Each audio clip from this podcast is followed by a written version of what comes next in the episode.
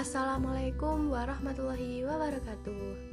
Hai, ketemu lagi bersama aku Safety Wahil Lestari Bagaimana kabar kalian? Semoga sehat selalu ya.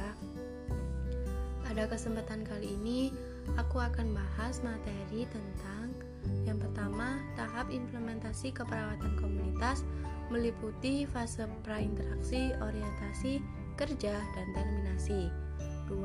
Standar operasional prosedur tindakan keperawatan komunitas 3. Mengatur masyarakat agar dapat bekerja sama dengan perawat saat pelaksanaan tindakan keperawatan Sebelum memulai, kita berdoa terlebih dahulu dan siapin kertas untuk pencatatnya Bismillahirrahmanirrahim Oke, okay, let's start Implementasi merupakan tahap kegiatan setelah perencanaan kegiatan keperawatan komunitas dalam proses keperawatan komunitas. Fokus pada tahap implementasi adalah bagaimana mencapai sasaran dan tujuan yang telah ditetapkan sebelumnya.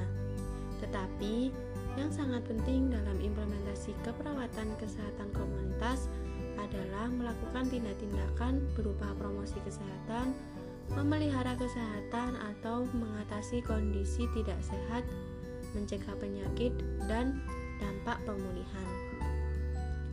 Panduan implementasi keperawatan komunitas akan dijabarkan melalui tahap kegiatan yaitu berupa tahap interak, prainteraksi, orientasi, kerja, dan juga terminasi. Pada tahap prainteraksi atau tahap persiapan, Perawat mencari informasi tentang klien. Kemudian, perawat merancang strategi untuk pertemuan pertama dengan klien. Tugas perawat pada tahap ini meliputi 1. Mengeksplorasikan perasaan, harapan, dan kecemasan dan perawat perlu mengkaji perasaannya sendiri sebelum melakukan interaksi. 2. Menganalisis kekuatan dan kelemahan sendiri. 3 mengumpulkan data dengan klien. 4. Merencanakan pertemuan yang pertama dengan klien mencakup kapan, di mana, dan strategi apa yang akan digunakan untuk pertemuan pertama.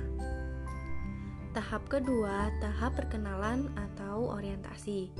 Tujuannya untuk memvalidasi keakuratan data dan rencana yang telah dibuat dengan keadaan klien saat ini dan mengevaluasi hasil tindakan yang lalu.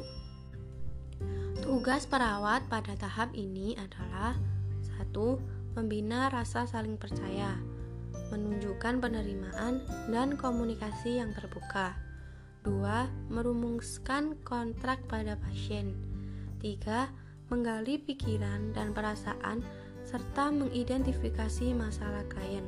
4. Merumuskan tujuan dengan klien. Pada tahapan yang ketiga yaitu tahap kerja yakni disiapkan terlebih dahulu materi atau apa strategi apa yang akan digunakan untuk implementasi keperawatan komunitas menyiapkan seperti alat kemudian dan materi-materi.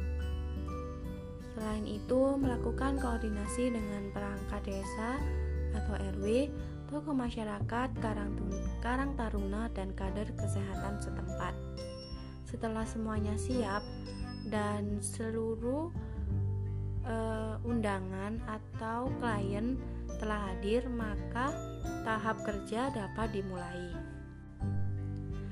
Tahap yang terakhir yakni tahap terminasi. Tugas perawat pada tahap terminasi yaitu pertama, mengevaluasi pencapaian tujuan dari interaksi yang telah dilaksanakan.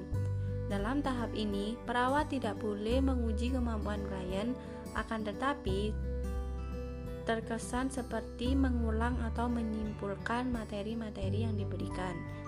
3. Melakukan evaluasi subjektif atau menanyakan perasaan klien. 3. Membuat kontrak untuk pertemuan berikutnya. Oke, selanjutnya topik yang kedua yakni prosedur melaksanakan pengkajian keperawatan komunitas. Apa sih prosedurnya? Yang pertama yakni tujuan. Tujuan meliputi terkumpulnya data inti dan data subsistem yang mempengaruhi kesehatan komunitas. Dua, dapat menginterpretasi data kesehatan komunitas. 3. Mendapat gambaran dari data tersebut. B. Ruang lingkup dilakukan pada masyarakat sehat atau sakit pada masalah kesehatan. C. Definisi melakukan pengkajian keperawatan. Yang paling utama adalah komunitas yang memberi asuhan keperawatan komunitas. D. Prosedur dalam ini dapat dilihat dalam tanggung jawab ya, dan wewenang. Pelaksanaan adanya persiapan awal pelaksanaan kegiatan pengkajian. Pengendalian atau pemantauan dan yang terakhir dokumentasi. Setelah itu masuk topik yang ketiga, mengatur masyarakat agar dapat bekerja sama dengan perawat.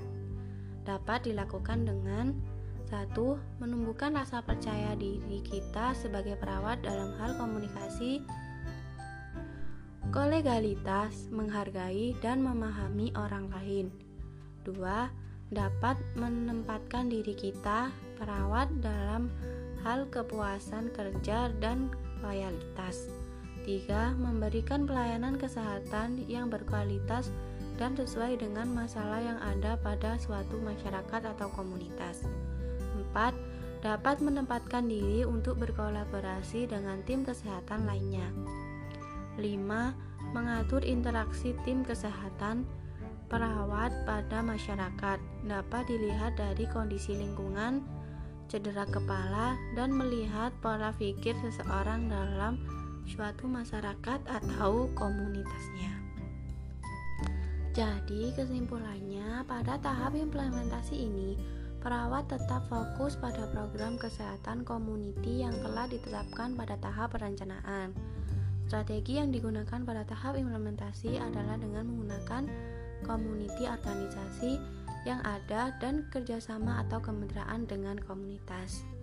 Sekian materi dari saya, semoga bermanfaat untuk kalian semua. Terima kasih, see you next time.